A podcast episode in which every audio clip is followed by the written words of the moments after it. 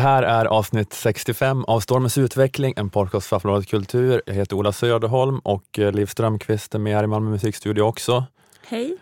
Eh, Det är, eh, det är tisdag nu när vi spelar in, Mm. så mellan inspelningen och släppet på torsdag kommer det ju vara valet i USA, Mm. som ni vet hur det gick då, men inte vi vi. vet inte det. Så vi har ingen reaktion på valresultatet, bara ifall det var någon som förväntar sig det. Det är en av anledningarna till att vi inte har en reaktion på valresultatet. I alla fall, att valet har inte varit här nu. Nej, här- annars hade vi haft en jättebra reaktion. En väldigt liksom uh, oväntad och spännande intressant reaktion. Som alla hade fått hatten att ramla av på alla där hemma. Som alla vet så är ju du kanske Sveriges ledande USA policy wonk Just det. som har sån minutiös koll Precis. På alla swing states och eh, senatorsval. Mm, jag skulle ha gjort en sån väldigt, hela tiden. eh, alltså en väldigt specifik spaning. Så någon väldigt, väldigt, väldigt så här, som handlar om ett väldigt så här, valtekniskt kanske. Mm. Eh, Men i alla fall, vill ni höra om USA-valet kan man, ja, då kan ni test, testa, te, testa all annan svensk media. Vi ska plöja på Mm. ge- genom våra navlar eh, som vanligt. Mm. Eller vi ska i veckans avsnitt fortsätta med fortsätta med det som det har varit om tidigare. Dels med sex och datingdebatten Åh, och, och dels med klimatdebatten. Mm. Det är lite jobbiga ämnen att ta upp. För det är två ämnen som har haft det gemensamt, att det har varit svårt för folk att lyssna på vad vi faktiskt säger. Istället lyssnar man på vad det känns som att vi säger. Mm. Ja, men, ja, men att det är den grejen, att om man så då kanske kritiserar en viss typ av klimatalarmism och klimatretorik, som jag gjorde i ett par avsnitt för några veckor sedan, och i en artikel jag skrev för Aftonbladet Kultur. När jag gjorde det så kändes det tydligen som jag sa, att det inte är så farligt med klimatet. Ja, Och eh, att jag menar på att vi ska ta det lugnt och bara vänta på att marknaden levererar gröna lösningar. mm. Jag sa inte det, jag skrev inte det, men Nej. det kändes onekligen som att det var det jag skrev, Mm. snedstreck sa. Och eh, då om man ifrågasätter en specifik typ av porrkritik, som du gjorde i den här podden i avsnitten 57 och 59, då känns det som att man tycker att det är fel med all slags porrkritik. Mm. Att man älskar porrindustrin, Mm. att man är övertygad om att porr inte har någon påverkan på sex.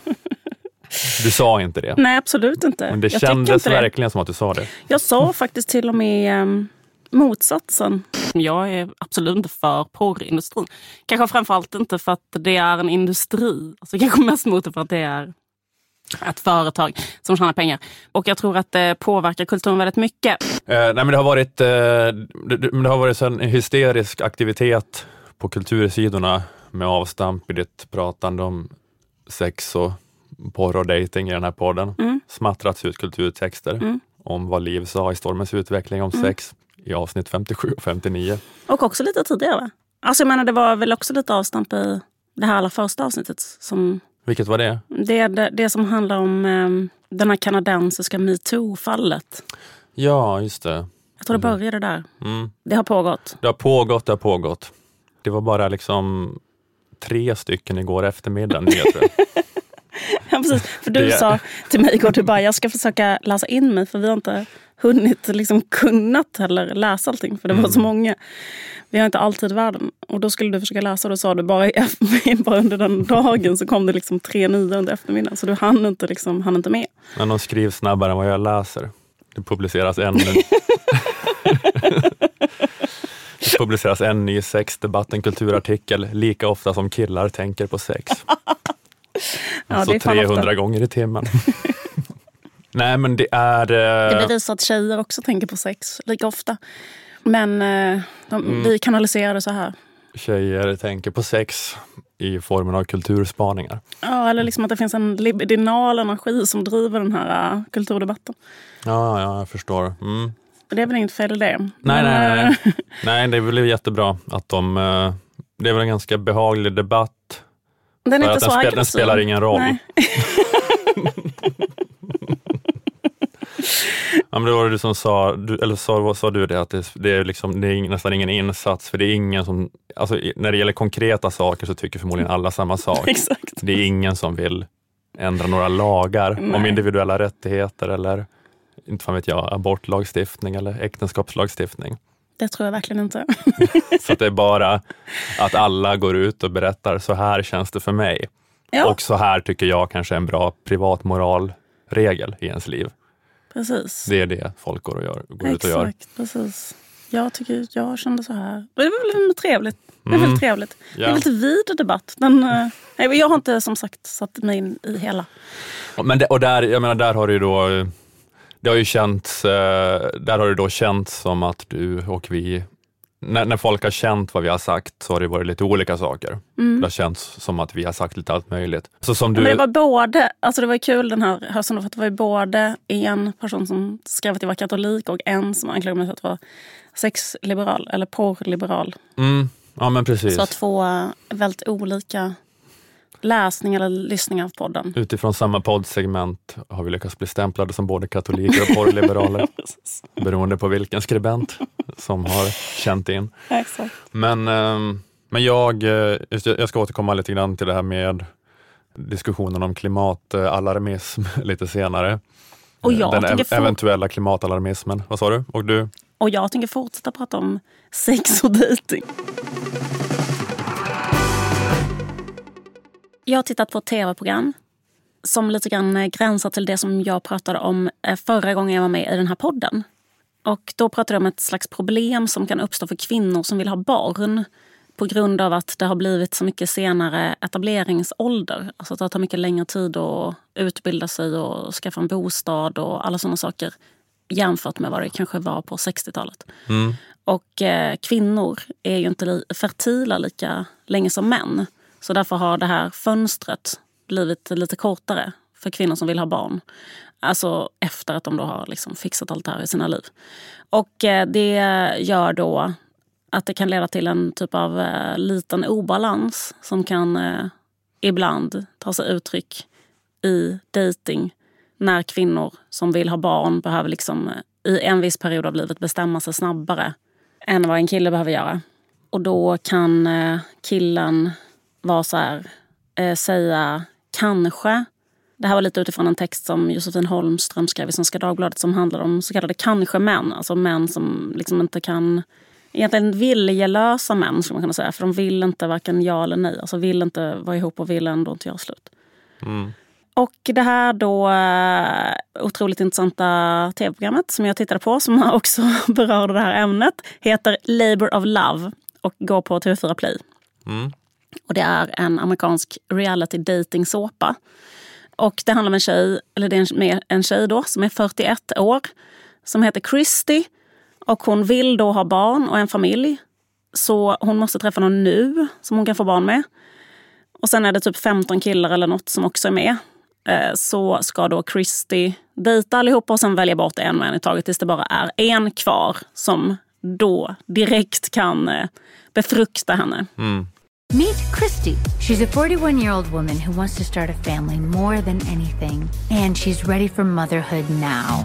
Mm, det var Kristin Davis som pratade. Det är hon som leder programmet. Det, det, var, det är den skådespelerskan som spelade Charlotte i Sex and the City. Ja, ja okej. Det var bra castat. Precis. Det är lite typiskt eh, att det leds just av henne. Mm. Hon måste liksom eh, spela Charlotte som leder det här programmet på något sätt. Precis. Charlotte är ju, för de som inte har tittat på Sex and City, den här då... Hon porträtterades ju som den präktiga, lite tråkiga karaktären i Sex and City. Och hon ville jättegärna ha barn och familj. Mm. Just det. Och i serien framställs hon då som väldigt så här, töntig, och ochill och fånig. Den här karaktären. Medan till exempel karaktären Samantha som liksom bara vill ha sex med olika män varje kväll. Hon eh, framställs som väldigt cool och liksom rolig och sådär. Men nu kanske det finns en mini-renässans för eh, att omvärdera karaktären Charlottes önskemål och drömmar. Man kan, om man vill göra en ny feministisk take så finns det möjligheter nu att säga att hon blev nedvärderad för att hon eh, utagerade en stereotyp femininitet. Varför ska man eh, famshamea Charlotte, skulle man kunna säga. Det här programmet är helt sinnessjukt, ska sägas. Eh, mer sinnessjukt och förnedrande än vad såna här reality dating-program brukar vara. Eh, det första som händer i programmet är till exempel att alla de här killarna måste lämna ett spermaprov. Mm. i programmet. Alltså de måste gå in och runka så här i en buss med små bås och liksom bli filmade före och efter. Och, och sen så får de alltså, alltså sina spermaresultat. Alltså hur bra liksom, spermier de har. Och en vinner och så. Ja. Så det är liksom djupt eh, förnedrande program. Ja, ja, det är det kanske. Jag vet inte, jag vet inte vad som är normalt Nej. längre. Jag har inte sett på reality på många år tror jag. Nej, precis. Inte sett på tv överhuvudtaget. Men nu när man slår på tvn så är det så här. det här kanske är snäll reality-tv, förmodligen. En annan sak som hände då i liksom typ andra programmet är att de blev utsatta för ett otroligt obehagligt prank, de här killarna. De sitter vid en lägereld och har en dejt en och en med Christy, den här 41-åringen, utomhus på kvällen. Och så blir de liksom tillsagda innan av crewet. Alltså, de låtsas gå fram och säga så här, okej, bara så ni vet så finns det björnar här, grizzlybjörnar typ. Så att ni måste vara försiktiga, liksom, att det kan hända att det kommer en björn. Liksom. Och sen, och hon är ju med på detta Christie, så hon vet ju att det, det finns inga björnar där egentligen. Men sen eh, gör de liksom en björnattrapp, ändå ganska verklig. Alltså någon är utklädd till en björn, men det är ändå rätt så ja. väldigt obehagligt. Så att liksom när de sitter där och har dejten så, kommer så hör hörs det plötsligt sånt eh, sjukt obehagligt rytande. Kan du tänka dig ändå skräcken? Att sitta så här vid en eld och ha fått höra att det finns björnar och sen bara hör du sånt jävla vrål. Och sen bara är det liksom en björn, eh, en, eh, liksom en, en stor eh, obehaglig... Björnatrapp. Liksom, ja, en björnatrapp som rullas fram på små hjul. Nej men den är ändå rätt så verklig. Ja, okej. Mm. Eh, och och eh, syftet är då att eh, de ska se hur mannen reagerar. Alltså försvarar han Christie eller eh, lägger han eh, benen på ryggen själv? Ja, det är som där med lavinen i Ruben Östlunds Turist, liksom. att det är det testet. Exakt, det är Ruben Östlund-testet. Men eh, ja, jag vet inte fan om jag hade gått på det. Alltså. Alltså det, Om de hade kommit och sagt det är björnar här, bara, ja, hade man inte direkt fattat vad som var på gång då. alltså Vad fan skulle de hålla på med en tv-inspelning? När som helst kan bli en björnattack. jag vet inte, jag tycker ändå det är fruktansvärt obehagligt att en liksom... ehm, Nej, Om det kom, man ser att det är en björn som ser relativt verklig ut så kanske man inte... Ja, men att då är det man- svårt att tänka klart kanske. Ja, men att man, att man också... Alltså det är klart man skulle kunna tänka så här, 99, 99 säkerhet så är det en björnattrapp. men det skulle alltså bara, bara att man hade 1 procent att det kan vara en riktig björn. Jag, jag vet inte, men jag... Jag skulle i alla fall bli- blivit fruktansvärt rädd om det hade kommit en björn. Och som jag känner mig själv rätt. Och då är det också så att i ett, eh, i, i, i en, ett av fallen så liksom lägger de sig ner på marken och då går björnen hela vägen fram och liksom lägger tassarna. Alltså de ligger bara ner och, och han, den här killen ligger bara ner och tittar ner i marken och liksom håller för huvudet typ. Och då går liksom björnen fram och lägger sig tassarna på honom. Och, Oj. Så att han kan ju ändå känna, alltså det skulle ju kunna vara så att han känner eh, äkta, riktig dödsskräck. Mm, mm. Ja, just att det är lite oetiskt kanske. Ja, eller jag menar, han skulle, även om han då bildar familj med henne och blir pappa så skulle det kunna vara så att han har fått ett posttraumatiskt stresssyndrom. Mm. Så att han liksom hela, han kommer vara som, som Vietnam-veteran. Hela deras familjeliv kommer vara så att han, eh, Mm. Han kommer sitta som en sån grönsak. Det här reality-förhoppen går ut på att jag ska, ska få skaffa barn med någon som har blivit utsatt för grav psykisk misshandel i tv. Alltså, det kan vara så insomnia. bara liksom, jag vet inte hur Men han, bara- han, han bara, posttraumatiskt stresssyndrom fungerar. Man kan inte han bara koncentrera la sig ner på marken med ansiktet ner i marken liksom, och, och låg stilla. han, han liksom tog, tog, drog med henne också. Liksom, Ah, och lite okej, grann, ah. Så att de två låg tillsammans och höll, Ja. eh, höll liksom händerna över huvudet. Mm. Jag, jag tror att de hade blivit instruerade lite så här, att Mhm. om det kommer en björn så eh, liksom hur man ska göra. Alltså man ska försöka skrämma iväg den. Om inte det lyckas så ska man, liksom, lä- så ska man tydligen ligga för att skydda sig eh, från en björnattack. Ja, okej, okej. Ja, men då, det var inte att han så att säga bara lämnade den och sprang och gömde ansiktet någonstans, utan det var ändå bättre så då? Att han Nej, inte... alla, alla faktiskt. Eh, det var ingen som ditchade henne på det sättet som eh, Ruben Östlunds karaktär gör i Turist. Ja, Um, det. men det berodde nog också på att det var kameror där. Va? Mm. Att man liksom visste att på något sätt att det, var fil, att det blev filmat. Alltså man skulle kanske ändå då hellre dö än att det skulle vara på Youtube. Så här, att man var den enda som skulle liksom ha låtit henne bli uppäten av en björn. Mm. Ja, Alltså exakt. så man, man, man, man pinsamt. kanske då har, oavsett om man tror att det är på riktigt eller inte, så har man ju då hunnit Ja, men om man tror att det är på riktigt, att det, kan, att det är en riktig björn som kan komma, så då har man hunnit tänka igenom situationen. Hur ska jag reagera då? Så att det inte det är inte bara den här rena spontana reaktionen som Nej. kanske då skulle kunna resultera i att man springer iväg från sin familj. Utan man har fått tänka igenom det ett varv. Ja. Eh, Okej, så alla klarade det ridderlighetstestet. Mm. Ja, och vissa var ju kanske då lite bättre och sådär. Så det kanske Mm. fanns viss kvalitetsskillnad. Men det var ingen som liksom bara tog henne och kastade henne i björnens mun för att den skulle vara uppäten, liksom upptagen med något annat. Eh, Jag, jag skulle bara säga, en- egentligen skulle jag bara säga en sak som jag tyckte var mini-intressant med det här programmet. Och det är att alla killar som är med i det här programmet vill jätte, jättegärna bli ihop med den här tjejen Ja, och bilda familj. De uttrycker aldrig i programmet så här, ah, jag vet inte riktigt, typ är hon verkligen så kul att prata med? Alltså, var, det liksom, var vi så lika? Hade vi så mycket? mm. Re, liksom, räcker det verkligen för att så här, leva med henne hela livet? Eller, alltså så här, sådana tankar. ja. Eller är jag verkligen redo för det här? Eller vill jag ha barn egentligen? Och så där. Liksom sådana tankar verkar de inte ha. nej, nej. Utan de känner då liksom helt tvärtom. De är bergsäkra på att hon ska bli mamma till deras barn. Mm. De har ångest liksom för att åka ut. De liksom mår jättedåligt för att hon eh, är på en dejt med någon annan. De anstränger sig liksom jättemycket. Alltså, de vill verkligen bli ihop med henne. Mm. De är absolut inte kanske-män. Varför är de inga kanske-män? Är det för att de har hittat 15 stycken killar som har den här inneboende egenskapen att de är väldigt seriösa och liksom vill committa och är liksom uppfostrade på ett sånt sätt eller har ett sånt psyke? Eh, nej, det tror inte jag. Utan det är ju så såklart att de blir så på grund av situationen de är i. De, Det är hela premissen för programmet är ju att de inte är kanske män på något sätt. Ja, Allt att- faller ju. Mm, jag tror att man hade kunnat ta, ta 15 kanske-män.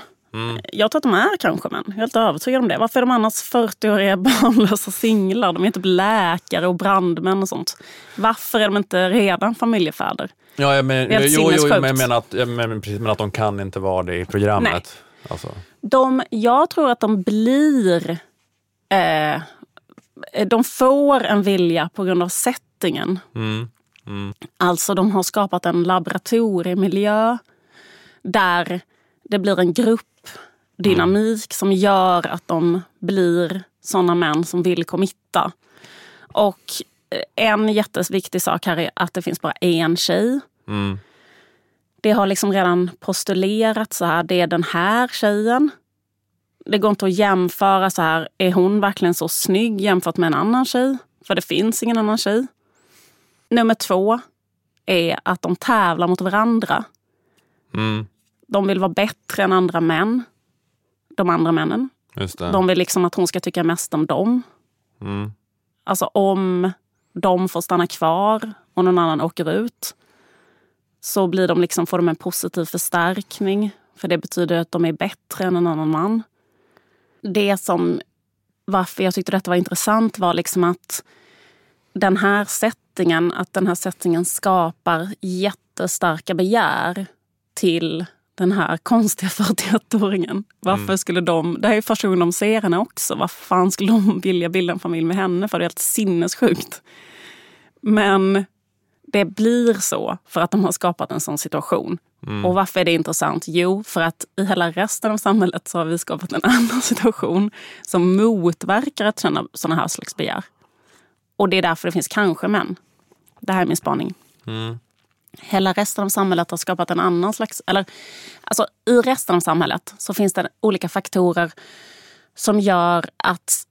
Som liksom nermuntrar. Jag vet inte vad det är för eh, ord som är motsatsen till uppmuntra.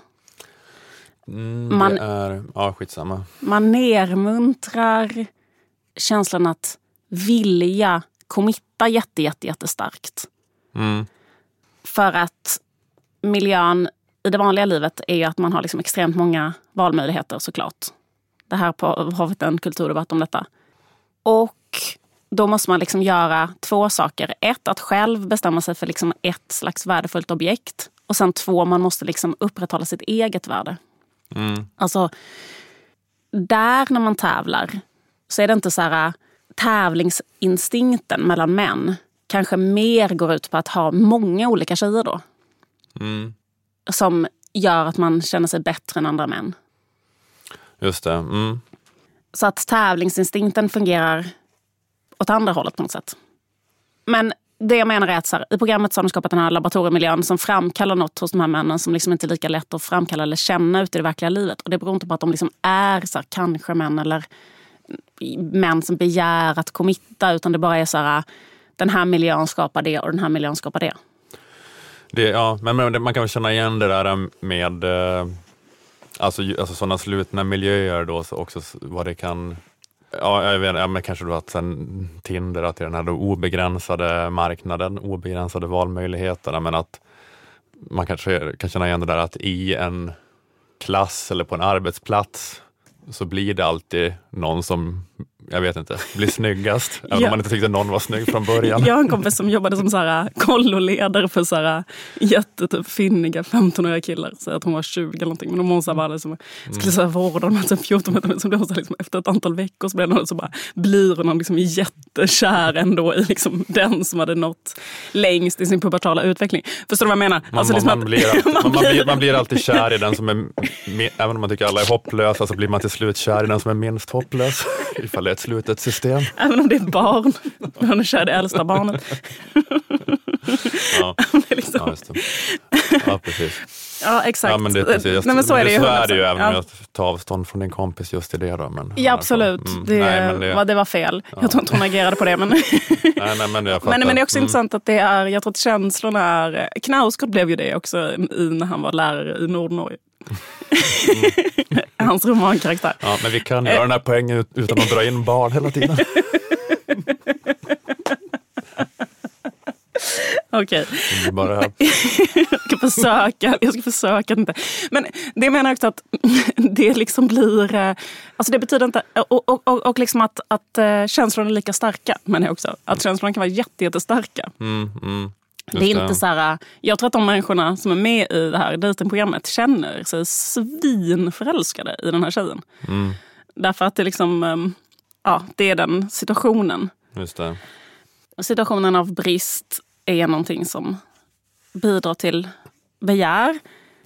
Och jag ska säga en annan spaning som jag har som, som gör att jag tror att eh, det kan vara svårt att känna jättestarkt begär. Eller som de här kanske-männen inte gör då. Att, känna, liksom att ha förmågan att känna så extremt starkt begär kan liksom försvåras när man inte behöver den andra personen. Alltså, det finns ju en slags... Alltså idag så är vi liksom inte...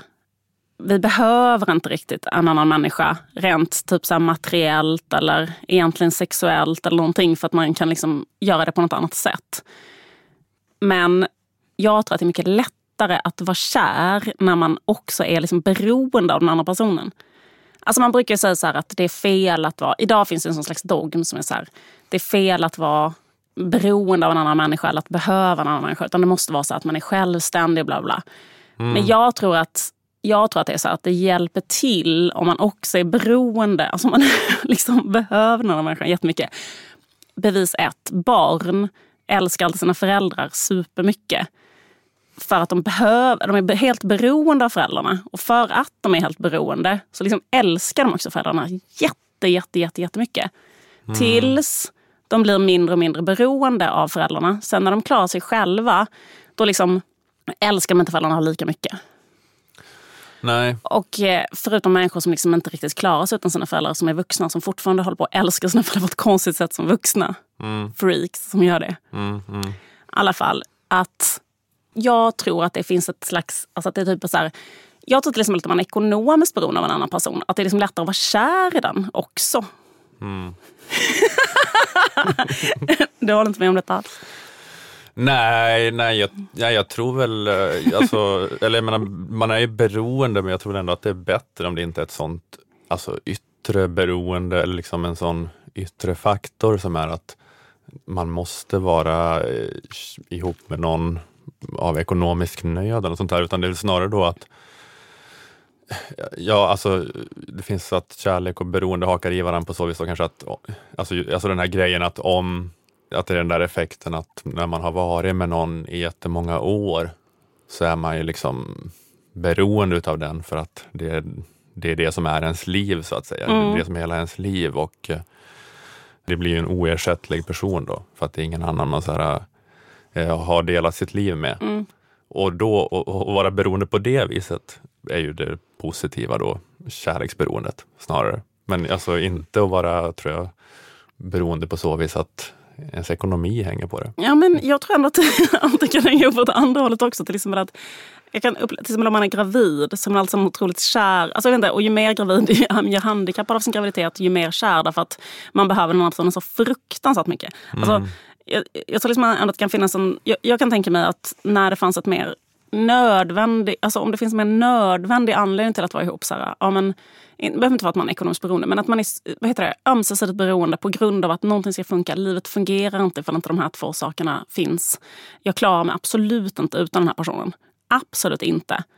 Då tror jag att det också är lättare att känna, att jag älskar den här personen. Mm. Än om så här, det finns ingen anledning, jag kan exakt lika gärna vara själv. Mm. Liksom allting funkar exakt lika bra utan den här personen. Mm.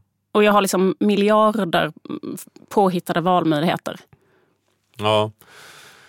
Ja, det kanske inte är en helt solid spaning. Men eh, det var en tanke. Mm. Jag laborerar med hypotesen liksom att ja. det är liksom mm. lättare att ha en vilja i en riktning när man är, har ett behov också.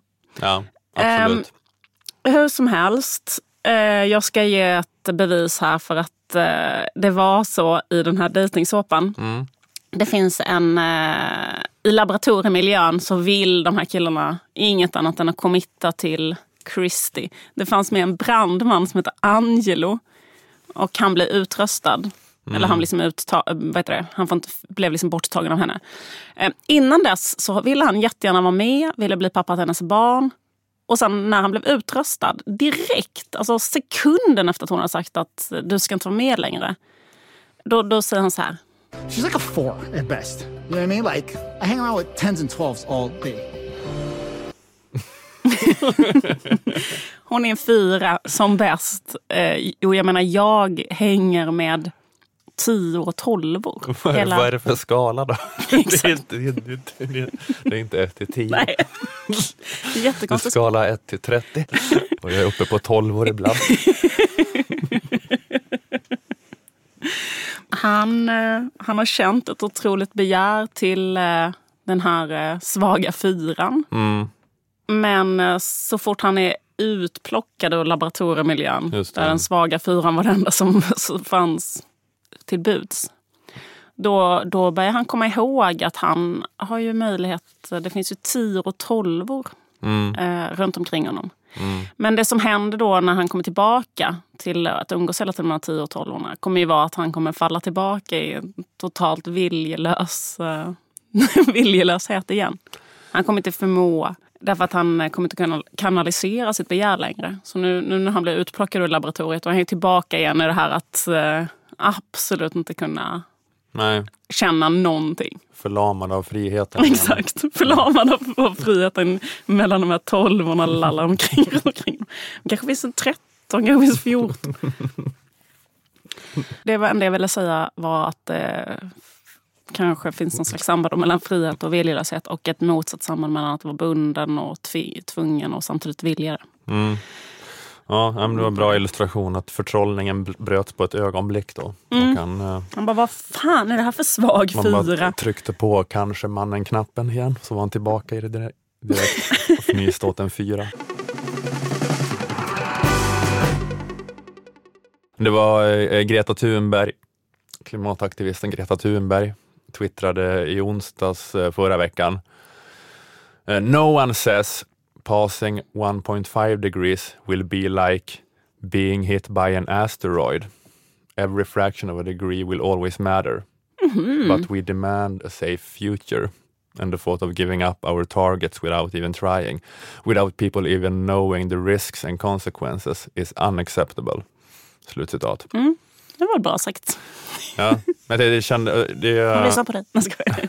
Ja, precis. Det, eh, det är kanske min narcissism som talar, men det kändes lite som att hon subtweetade mig angående det där med no one says passing 1.5 degrees will be like being hit by an asteroid. För jag hade en artikel då för ett par veckor sedan i Aftonbladet där jag skrev att 1,5 gradersgränsen är inte en meteorit som träffar jorden.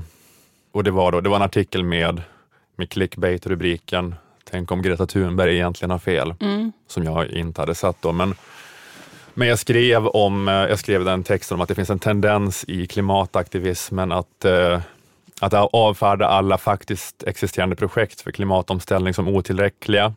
Och inte bara otillräckliga, för det förstår jag såklart på ett sätt att det såklart är klimataktivisters och Greta Thunbergs och Fridays for Futures roll att alltid trycka på, trycka på och säga att det är otillräckligt. Att de ska inte ha någon moderat mittenposition i debatten. Men att det inte heller bara är att man säger att faktiskt existerande förslag och projekt är otillräckliga, utan till och med kontraproduktiva.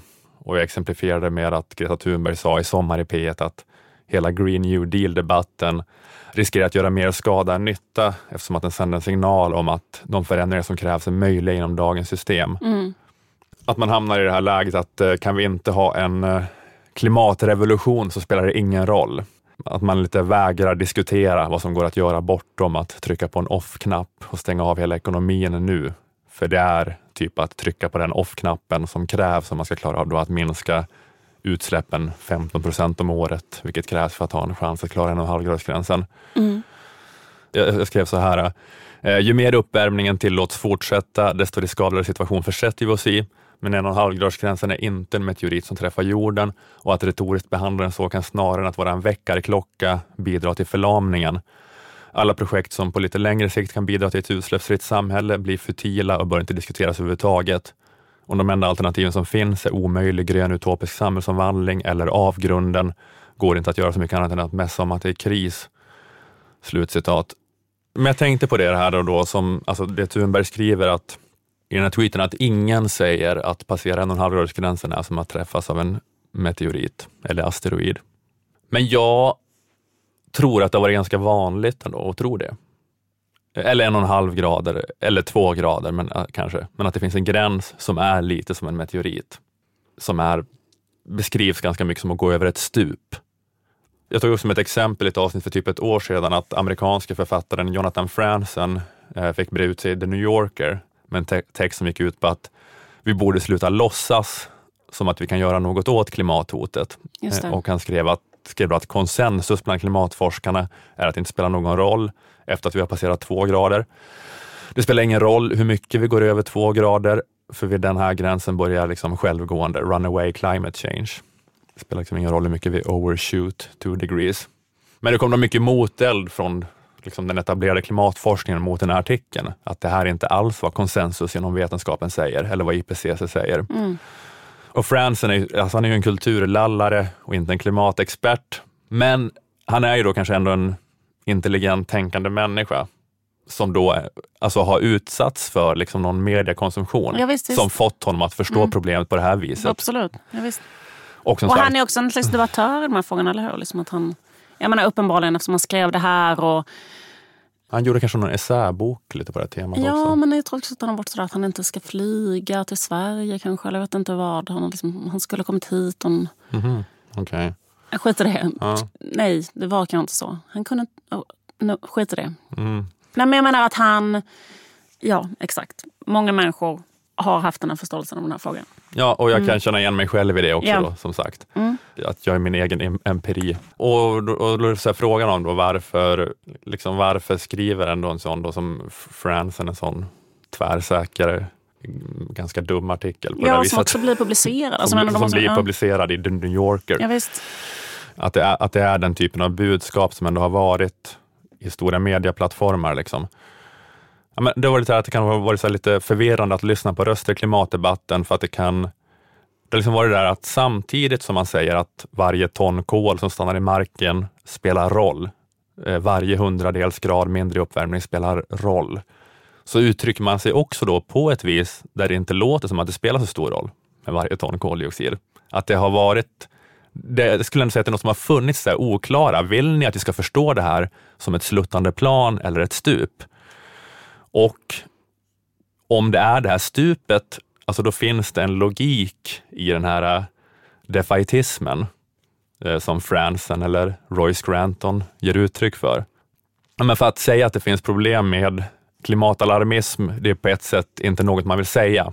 Alltså när det är så vanligt att FNs klimatpanel IPCC kallas klimatalarmister av typ vanliga borgerliga personer. Och, alltså när det, och när det liksom sker så oerhörda förändringar och försämringar och utarmningar av biologisk mångfald som kommer framkalla framtida generationers förakt för oss och den här tiden, eh, så vill man inte säga det. Men dock skulle jag ändå säga att det, att det finns ett problem med klimatalarmism. Alltså varför har liksom sådana som eh, Jonathan Franzen och jag hamnat i en sån här förståelse av problemet. I blame you. ja, precis. Jag har lyssnat på gamla avsnitt av den här podden. jag har märkt att det finns ett problem med klimatalarmism. Nej men, eh, ja precis. Jag, jag menar att det är så att det liksom ändå är något som har fått spridning på stora medieplattformar. En typ av något som man ändå kan kalla klimatalarmism, som har lite samma modus operandi, lite samma tillvägagångssätt som klimatskeptiker har. Ja. Och det är det här enstudiesyndromet. Mm. Att det är så här, den här studien, att säga det här. För att du kan få fram i princip vilket narrativ du vill om klimatförändringarna genom att cherrypicka studier. Mm. Alltså genom att välja de enskilda studier som passar din berättelse. Ja, visst. Det finns liksom klimatstudier som passar alla ideologiska bias. Eh, och det är ju det som är bra då med IPCC, att även om det inte heller är ett facit, så är ju det då en gigantisk sammanvägning utav typ all klimatforskning. Mm. Ett exempel på det, här, på det här eh, som var aktuellt nu igen förra veckan, eh, det är de ryska forskarna Igor Semiletov och Natalia Shakova. Mm. Och de har så återkommande rapporter om nära förestående massiva utsläpp av metan från Arktis Mhm. på grund av tinande permafrost och att det då är något som så riskerar att tok-accelerera globala uppvärmningen. Mm. Den här plötsliga metanbomben. Det. Och det här blir då skräckrubriker i till exempel The Guardian, Mm. som eh, rubriker som flyger runt på sociala medier och också blir så här källor i Royce Granton-böcker Mm. Deras uppgifter. Och, och det, det, var en sån artikel nu i The Guardian för några dagar sedan med hänvisning till Semitelovs forskarlag. En artikel med rubriken eh, Sleeping Giant, Arctic Methane Deposits Starting to Release, Scientists Find. Och den här artikeln, eh, men att den delas friskt och den delades av Greta Thunberg och Mm. av Per Holmgren och sådär på Twitter. Men, eh, men också att den där artikeln då snabbt får mothugg på Twitter av de som liksom är världens mest respekterade klimatforskare. Mhm. Gavin Schmidt, Michael Mann, Seek House Father. Hela härliga gänget, alla era favoriter. Ni vet vilka jag pratar om. jag menar, ja, men att de, de tillhör verkligen dem. Och, och att det är liksom, jag vet inte, men det, det var väldigt återkommande sen liksom i tio år att det kanske kommer utifrån de här ryssarnas forskning. Artiklar i Guardian, Independent, bla bla bla.